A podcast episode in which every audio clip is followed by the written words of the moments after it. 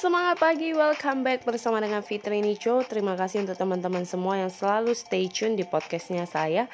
Dan semoga apa yang saya bagikan melalui podcast singkat itu terus boleh menginspirasi dan bermanfaat buat teman-teman. Dan hari ini teman-teman saya akan bahas adalah tentang uh, Mungkin topik-topiknya sedang hotnya ya tentang komunikasi. Nah sebenarnya pentingkah skill komunikasi itu buat setiap orang Salah satu contohnya gini ya teman-teman. Ternyata sebuah komunikasi itu bisa antara untuk mempererat ya hubungan.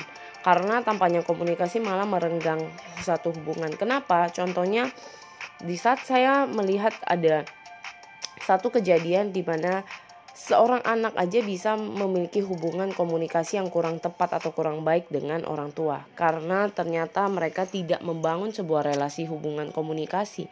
Nah, contohnya di saat anak ingin e, mungkin berpakaian dengan stylenya dia, eh malah orang tua tidak suka dengan cara stylenya anak.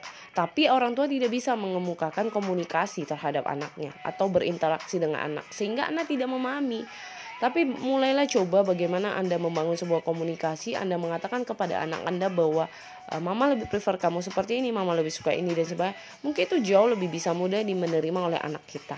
Dan begitu sebaliknya, anak bisa menerima kalau orang tua tidak suka itu, maka orang tua membangun komunikasi. Itulah kenapa pentingnya komunikasi untuk setiap orang baik dari usia anak-anak hingga orang dewasa. Mari mulailah memiliki komunikasi yang baik karena skill komunikasi ini mungkin tidak bisa Anda dapat di dunia pendidikan Anda, tapi ini di dalam dunia kehidupan kita. Bagaimana membangun sebuah relasi, sebuah hubungan dimulai dari sebuah komunikasi. Lakukan yang terbaik dan teruslah menginspirasi di mana pun Anda berada.